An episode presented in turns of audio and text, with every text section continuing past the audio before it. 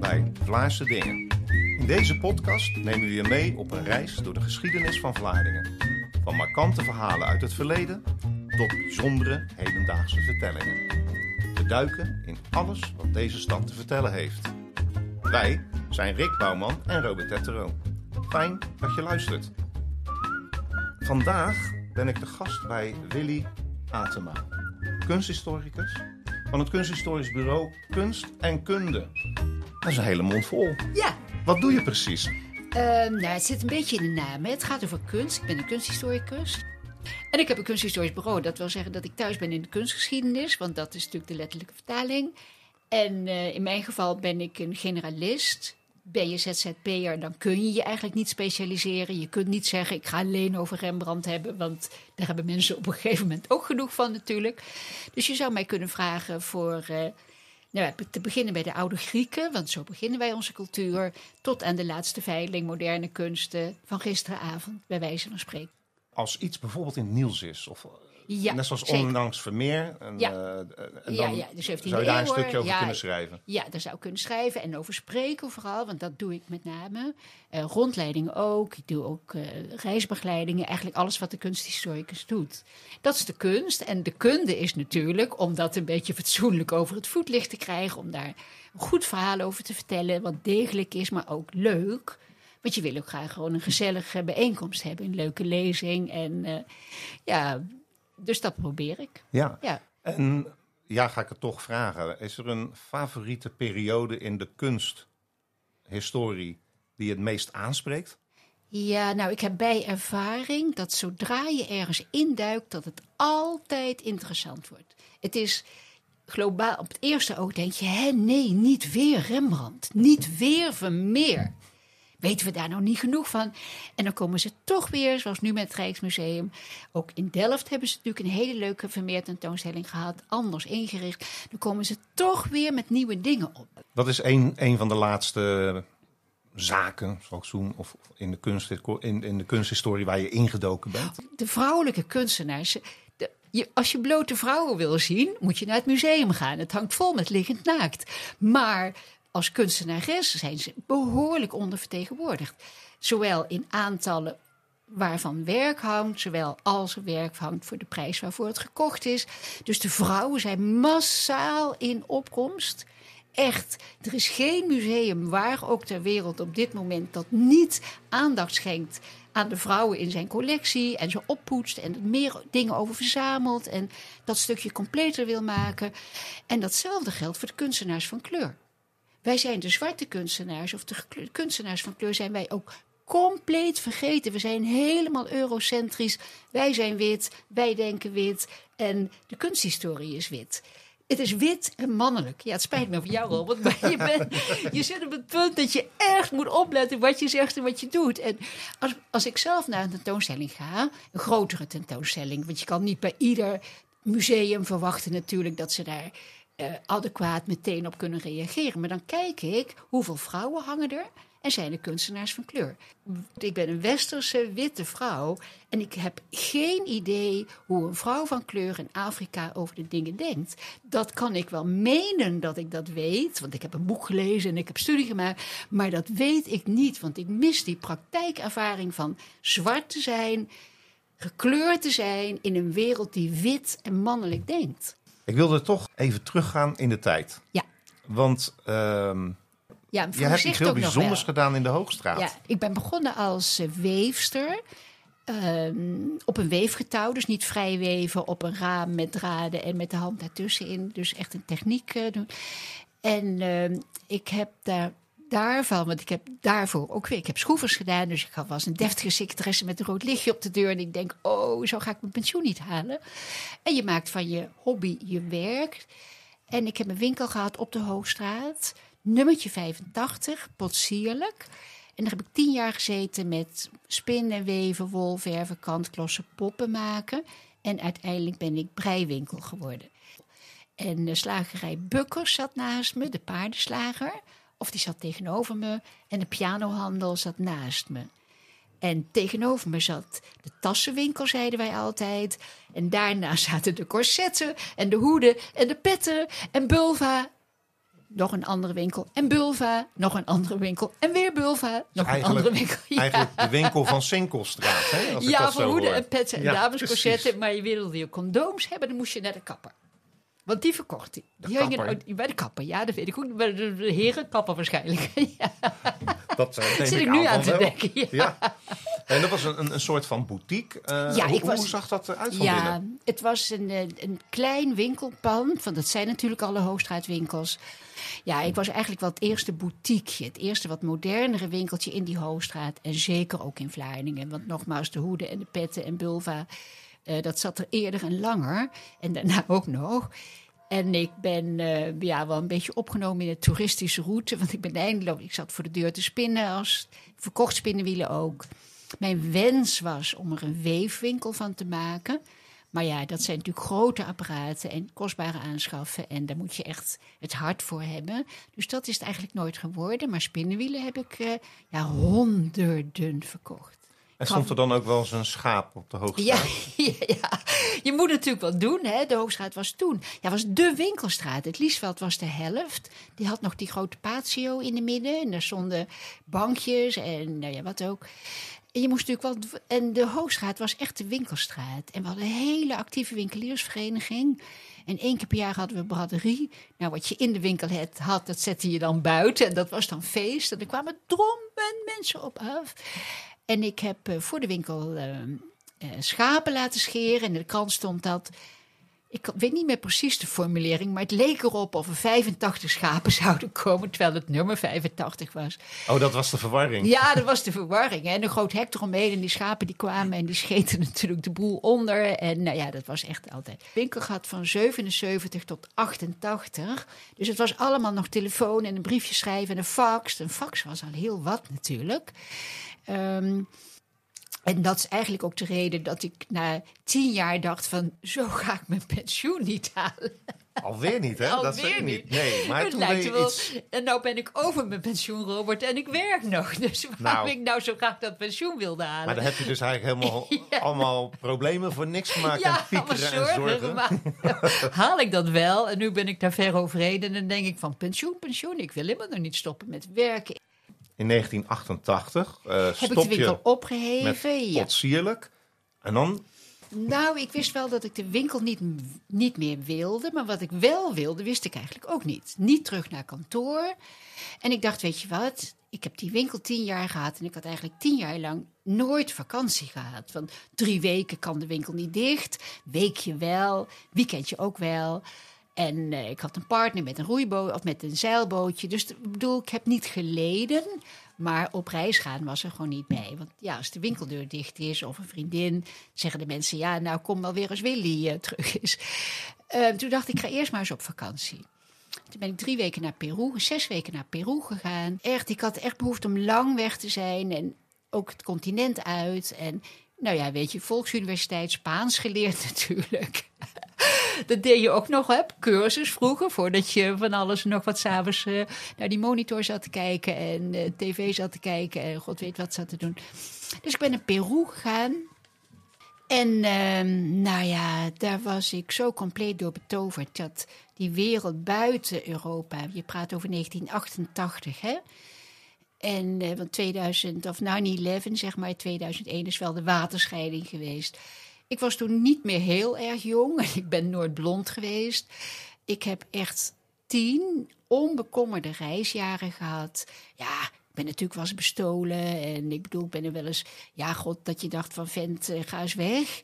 Maar ik heb echt tien reisjaren gehad als alleenreizende vrouw door Indonesië, door Zuid-Amerika, door India, door China, door Azië. Werkelijk, wauw. Dus ik heb mijn tochten altijd langs weefateliers geplooid. Als je alleen reist, dan kan dat natuurlijk. En ik heb dus ook heel veel weefwerk gezien. En ook veel weefwerk, ik reisde met rugzak, meegenomen naar huis. Ik was niet een reiziger omwille van het reizen. Ik wilde echt mijn eigen dingen die ik wil, had gewoon dingen die ik wilde zien, meemaken, ervaren. En daarom, ik had geen bezwaar tegen leuk reisgezelschap, maar als je zo ideeën hebt hoe je het zelf wilt hebben, kun je het eigenlijk ook maar het beste alleen doen. En dat, ik, je hebt toch vrienden natuurlijk waarvan je de contact... We zitten nog steeds, ik praat tussen 88 en 10 jaar later 98. We zitten nog steeds in het tijdperk dat je niet zomaar met je mobiel kon bellen, want dat bestond nog niet. Ik Ja. heb echt gereisd met post en restante post. En niemand wist ook waar ik was. Alleen ik. We spreken nu 1998 en je noemt postrestanten. Ja. Leg dat eens uit. Nou, Want niet iedereen weet, denk ik, wat dat, wat dat is. betekent. Nee. Nou, mensen wil, je wil wel contact hebben. Dus er waren veel mensen die mij schreven. En ik andersom natuurlijk ook. Dus ik had globaal een reisroute. Ik ga van A naar B naar C. Wanneer ik aankwam, zou komen, wist ik niet. Dus wisten zij wat mijn reisplek ongeveer zou zijn. Dus daar was het postrestant, eh, postkantoor Calcutta, postrestant En dat is dan het enige wat je op de envelop hoeft te schrijven. mijn naam en dan postrestanten en het hoofdpostkantoor op de plek. Is altijd goed gegaan. En wat ik, eh, wat een heel goed eh, idee van mij was, dat de afzender schreef altijd mijn huisadres hier in Vlaardingen op. Mocht die post niet opgehaald worden in Calcutta of god weet waar, dan stuurde zij dat na verloop van tijd terug. En dan kwam het dus hier op mijn huisadres in Vlaardingen alsnog aan. En Nou, we- daar heb ik wel iets heel bijzonders meegemaakt. Mijn vader is in die tussentijd overleden. Toen was ik wel in Nederland, dus dat heb ik meegemaakt. Maar hij schreef ook. En op een gegeven moment was ik, eh, ik was weer thuis, of ik was thuis. En er valt een brief op de mat. En in het handschrift van mijn vader. En die had hij dus gestuurd naar die plek op aarde waar ik toen was. Daar had ik hem niet opgehaald. En vervolgens had het postkantoor, want de wereld was echt anders, Robert. Mensen, dat postkantoor deed dat nog. Het postkantoor, het hoofdpostkantoor in Calcutta stuurde die brief terug. En de post in Nederland bezorgde die, terwijl er natuurlijk een verlopen postzegel op staat. En die brief viel dus, toen mijn vader overleden was, alsnog bij mij op de bus. Dus ik las zijn verhaal. Dag kind, hoe gaat het met je? En zijn laatste brief eh, die hij geschreven heeft. ja, eh, in de laatste periode van zijn leven. En jeetje, toen, dat was wel even heel erg schrikken. Zo van, eh, nou ja, van outer space, weet je wel. De geest uit waar spirituele mensen op zitten te wachten. Eigenlijk contact met het bovenaardse. En ja, het is niet zo dat je als alleenreiziger altijd alleen bent. En bijvoorbeeld op het postkantoor waren altijd westerlingen die ook hun post kwamen ophalen. En als je je traveler check, weet je wat, nog wat dat is, Robert? Een traveler check. Daarmee moest je naar de bank en dan kreeg je dagkoers. Daar trof je ook altijd westerlingen aan, want iedereen moest naar de bank om zijn traveler checks in te wisselen. Dus het was eigenlijk een goede ontmoetingsplek om eh, weer nieuwe contacten en vriendschappen op te doen. Ja, ik weet niet. Ik, ik heb nooit met. eh, Je had van die beruchte reisgidsen, eh, Lonely Planet, je hebt ze nog. En daar worden hotelletjes in aangeprezen. Daar heb ik nooit gebruik van gemaakt. Ah, ja, daar trof je alleen maar Westerlingen aan. En daarvoor ga je toch niet op reis. Ik bedoel, je wil, je wil voor een begrijpelijk contact moet je met Westerlingen praten. Want dan kun je op, op jezelfde. Dan die weten waar je over wil praten. Ehm, maar het ging natuurlijk ook vaak over de wisselkoers. dat het, dat het Problemen eten zo van goed... Ja, ja, ja, maar je haalde eigenlijk, wat je zegt, is je haalde de tips van de andere reizigers. Liever dan dat je ze uit zo'n populaire... Ja, weet je, dat is nog steeds, ik denk, dan, dan reis je niet. Dan hop je wel je boek achterna. En dan ben je als Vlaardings... eh, trek je over de wereld heen en elke keer eh, maak je een mooie reis. Ja. Welke reis is je het meest bijgebleven? Welk land? Ehm, qua natuurschoon heb ik Chili wel ongelooflijk mooi gevonden. Dat is natuurlijk een lang leentje. Het reist ook heel makkelijk. Je gaat bovenaan zitten, je glijdt naar beneden. Beetje rechts, weg. beetje links, maar alleen maar naar het zuiden. Dus ik ben in eh, Lima begonnen om in Arica, dat is het hoogste stadje, om zo in de woestijn naar beneden te gaan. En dan krijg je de, nou ja, je hebt er heel veel eh, landschappelijke eh, uitingen, natuuruitingen. En terwijl je, als je links kijkt, heb je de zee. En als je rechts kijkt, of andersom, dan heb je de eeuwige sneeuw. Dus waar je ook was, za- zag je altijd die bergen, het water, ja. De luisteraars die zullen nu wel denken, nou, die Willy eh, Atema, die heeft goed geboerd met dat eh, spinnenwiel. Ja, Om tien jaar te reizen ja. over de wereld. Ja, nou ja, weet je, ik maakte werkweken van 52 uur. De winkel was mak- mocht maximaal 52 uur open gaan. En dan heb je administratie, je inkoop en ik gaf cursussen ook. Dus zei, ook, Heb je alles gespaard in die tijd? ja, Voor deze tien nou, jaar weet je, het leven is. eh, ik heb heel verstandig met mijn geld gedaan wat betreft de hypotheek van het huis en zo. Dus de kosten waren laag. En reizen is. Je kunt binnen in een ander continent. Ik heb heel simpel geleefd. Altijd met openbaar vervoer gereisd. Zoveel mogelijk bij mensen thuis geslapen. Eh, bij moeder in de keuken in het potje geroerd. Met de dochters naar de markt. Echt met het idee van.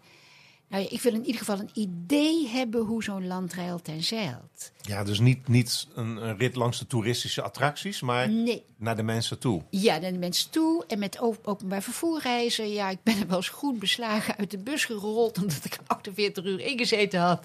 Zonder een, st- ja, wel met een stop, maar eh, voor een sanitair strop ook niet meer. Dat je dacht, wat ben ik aan het doen? Maar het heeft me wel opgeleverd dat je wat meer besef krijgt van de luxe hier. En ik denk dat mijn niveau van klagen wel aanzienlijk gezakt is in die loop van de jaren. Want het geploeter, nog steeds. Ik heb meegemaakt dat ik in India meisjes, kinderen, met een hamertje grote rosblokken in stukjes zagen hakken om kiezeltjes te krijgen. Dat hele proces van nou, industrialisatie kan je het nog niet eens noemen. Automati ja, of hele proces van. Het was nog geen sprake van automatisering. Eerst moet, eerst moet, het industrialiseren. Alles met de hand. Zakken 50 kilo op de schouder, de scheep, de, het scheepsruim in, over een loopplankje. Het heeft me echt geleerd eh, hoe Nederland geweest is. Want, want wij hebben het ook allemaal zo gehad. Alleen toen leefde ik nog lang niet. Toen bestond ik nog lang, dus je weet het ook niet. En daar zag ik het. De armoede, het ongemak, de, oh, ja, de moeite die mensen moesten doen het hoofd boven water te houden. En, uh, Ik wil weer een sprongetje maken van een Ja. jaar of twintig. Ik uh, wil het woord bijna niet uitspreken, maar er komt een coronaperiode aan. Ja. En ook dat greep jij aan om Ja. iets bijzonders uh, te doen. ja, ik, en opeens was corona.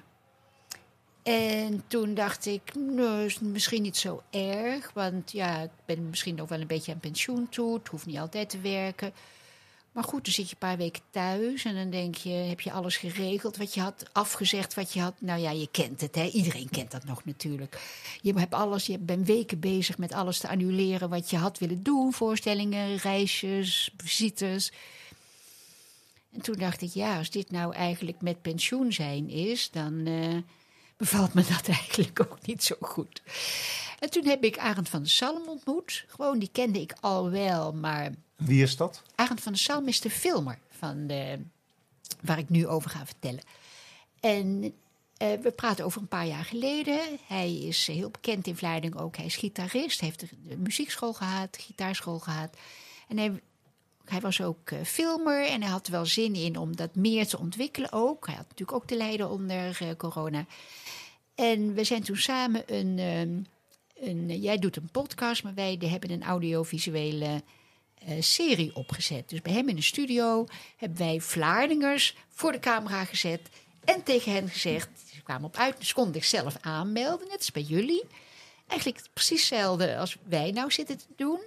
Maar dan en, voor de camera. Ja. En dan voor de camera en uh, vier minuten. Robert, vier minuten, hooguit vier ik minuten. weet niet hoe lang wij nu al bezig zijn, een half uur. Ja, dat weet ik niet, maar vier minuten, heel streng. En wat moesten ze zeggen dan? Wat was Wat mochten ze zelf weten? Vier minuten over. We hebben Theo Werner gehad. Die heeft over zijn vissenschaaltjes gepraat. We hebben Lianne Sellers gehad, van de directeur van het museum. Die heeft het over de kattenbeker gehad. Ja, ik, ik heb zelf. hier een heel smoelenboek voor me, zeg ja, maar. we hebben een smoelenboekje 20, gemaakt van 30, iedereen. Uh, gezichten, Renske Verbeek. Renske heeft het over... Tim de Ridder, zie ik. Ja, die heeft het over de archeologie gehad. We hebben Peter natuurlijk Zuidgeest. Daar, Peter Zuidgeest. Inmiddels oh, overleden. Ja, helaas. in God hebben zijn ziel. Hij is een diepgelovig mens, dus ik hoop dat hij op de plek terechtgekomen is uh, waar hij graag wilde zijn. En dat wat kun je God... vertellen over Peter, wat oh, de mensen Peter niet was een, weten? Ja, ja is, die heeft nog steeds een heel speciaal plekje in mijn hart. En dat zal die bij alle visserijmensen hebben. Het was een uitzonderlijk begaafde man die uitzonderlijk hersenvolume had en uitzonderlijke verhalen kon vertellen. Dus Peter, alsjeblieft wil je bij ons ook komen. Wat moet ik dan zeggen? Mag je zelf weten, Peter, maar vier minuten. Dat lijkt me lastig voor een man die zoveel te vertellen ging heeft. zitten, breed uit in de stoel. Alle ellebogen wijd zo op de leuningen. En hij zei, Peter, dan moet je in de camera kijken, want het wordt opgenomen. Hè? Je komt in beeld, niet direct, maar we gaan, je moet in de camera kijken en vier minuten spreken. Niet langer, Peter. En als ik begin te zwaaien, achter zo, dan moet je ophouden. Hij keek niet in de camera. Hij keek van links naar rechts, van links naar rechts de studio in, waar niemand zat. Want hij was gewend voor een zaal te spreken en de mensen aan te kijken. Vervolgens begon hij. En hoe ik ook zwaaide en wat ik ook deed of opsprong. Of uh, ja, je kon er niet doorheen roepen natuurlijk. Peter ging maar door. Op een gegeven moment zei hij, zag hij mij en toen zei hij... Ik geloof dat ik nou een bericht krijg van onze lieve assistenten dat ik op moet houden. Nou, ja, daar ben ik het eigenlijk helemaal niet mee eens. Maar goed, als ze dat hier Nou ja, ik weet niet of jij Peter gekend hebt. En uh, dus dat hebben we over moeten doen. Maar nu ben jij zelf, Willy, ook een heel goed verteller. Ja. En jij bent zelf ook op die stoel gaan zitten, want ik heb er een paar gezien. Volgens mij Ja. nummer één En zit de jij zelf. laatste heb ik gedaan. Hoe Ja. lukte dat met jou vier minuten? Nou, ik zat erg met mijn handen te wapperen, vond ik. En we hebben één take gedaan en niet over. Als mensen echt een hele verspreking hadden, zeiden we: oké, stop, we beginnen opnieuw. Maar het wordt vaak ook niet beter als je het moet herhalen. Hè? Want de flair waarmee je de eerste keer begint, is, is vaak heel overtuigend. Ehm, dus ik heb ze allebei in één take gedaan. Hmm, dat zou ik nou wel anders doen. Ik vond wel heel leuk. Ik ben begonnen met, nou ja, mijn eerste bijdrage was hoe, een introductie van, van de serie. Wat gaan we doen, hoe is het? En de laatste heb ik het over Rembrandt gehad, over Van Zuilenburg, over eh, Van Ruitenburg. Natuurlijk die man in het goudgele pak eh, op, de, op de nachtwacht. En toen was heel die kwestie van vrouwen en mensen van kleur was nog niet aan de orde. Ik bedoel wel voor mij, maar niet voor het publiek. En ik heb toen met een, een afbeelding van de nachtwacht achter mij, want daar heb ik in groot formaat eh, voor cursussen beschikbaar, heb ik aangeduid dat er alleen maar dikke witte bobo's op stonden en niet de vrouwen. Terwijl de vrouwen waren vrouwen van dat type elite waren heel belangrijk. Want die moesten een huishouden runnen zonder stromend water, zonder elektriek en met alleen in de keuken open vuur. En natuurlijk hadden ze personeel. Maar dat moest ook geïnstrueerd worden. En, en wat ook, eh, inkopen, verkoop. En dan een man in zo'n functie, functie die toch ook wegging en bezoeken. Dus die vrouwen waren heel belangrijk. Worden niet genoemd. Het zijn alleen die, altijd die bobo's, die witte mannen met die veren. En er staan ook geen mensen van kleur op. Terwijl die er ook waren. Er ook in elitekringen. Want er zijn natuurlijk niet alleen maar tot slaafgemaakte mensen geweest. Er zijn ook mensen die hier gekomen zijn om een andere reden. Staan er ook niet op, worden ook niet overgebracht. En terwijl ik dat zit te vertellen, dacht ik... Ik hoop dat dat goed valt. Want ik weet zeker dat ik een van de eerste, in ieder geval in Vlaardingen was... die dat in zo'n schilderij aanduidde. En ik had een beetje de zenuwen van... "Ah, straks krijg ik boze brieven... of dan eh, zegt er iemand van... "Hoe kom je daar nou bij? Of dan heb je weer die feministen... of dan heb je weer die... eh, ik weet niet wat, hoe ze ze allemaal noemen. Nou, wat, wat mij wel opvalt en wat ik eigenlijk ook wel grappig van is, toen jij begon met dit verhaal, zei je van, ach, moeten we het weer hebben over Rembrandt en Vermeer. Maar er is altijd iets nieuws te vinden. En dit is denk ik het meest klinkende voorbeeld wat Ja. je nu gebruikt. Ja, Wat was de titel van ehm, dit project? daar waren wij wel trots op. Of ik eigenlijk, want ik heb het verzonnen. Arend heeft alle beeld gedaan en ik de teksten. Vlaardingen, punt. Verhalen en verzinsels, realiteit en roddels. En we hebben hele mooie verhalen gehad. Maar niet één roddel. En een verzinsel? Verzinsels. Je, mag een spro- je mocht een sprookje vertellen, een fantasie vertellen. Je mocht alles vertellen wat je op dat moment binnen vier minuten bezig hield. Maar we hebben geen roddels gehad. Nu heb je net verteld, ehm, ook al waren er geen roddels, ehm, wel hele mooie verhalen bij elkaar. Maar hoeveel, hoeveel hebben jullie er verzameld? 1, 2, 3, 4, iets van een stuk of 30. We hebben Een het stuk in of één. 30. eh, in En het is één- nog steeds terug te zien, hè? Voor Ja. mensen, de luisteraars die nu denken van, ja, Ja, ja. waar hebben jullie het het over? over. Ze staan op mijn YouTube-kanaal. Dat is wel lastig, want het is YouTube. Kom, en dan komt het channel en dan komt er het hele alfabet achter. Maar ik denk als je Willy Atema zou intoetsen op YouTube, dat je er ook wel zou moeten komen. En daar staan inderdaad ehm, een hele reeks eh, prachtige filmpjes. Ik heb er al een aantal gezien, vind het heel leuk, bekende Vlaardingen zo. Ja, ja. Ehm, eh, Willy, ik vond het heel erg leuk om met je te spreken hier Ja. in, in dit hartstikke leuke huisje ja, aan de Schoolstraat. ja. Met een, eh, ja, ik, ik, ik loop er altijd met plezier doorheen. Maar nu zie ik een keer hoe het aan de achterkant eruit ziet. Een fantastisch, gezellig, volgroeid tuintje. tuintje zonder katten. Dat houdt in dat ik veel vogels heb. En ik ben nu al toe mijn merelnest nummer 2 van dit jaar. En ik heb daar vijf mereljongen in een nest zitten te broeien. Want het is heet voor die beestjes. En die gaan vandaag of morgen uitvliegen. En dan hippen, hippen ze nog even door mijn tuin. Nou ja, goed weet je Robert. Heb jij, net als Willy, een weergeloos en echt gebeurd Vlaardingse geschiedenis? Of een sterk verhaal met een haringkop in de hoofdrol? Laat het ons weten. En wie weet krijg jij of je verhaal ook een plek in deze audiochroniek van onze stad. En voor degenen die heel graag de filmpjes willen zien van eh, Willy Attema... kijk even in de show notes. Daar staat een link naar het juiste adres. Hoef je ook niet meer te zoeken. Mooi. Dit zo. Dankjewel. Dankjewel.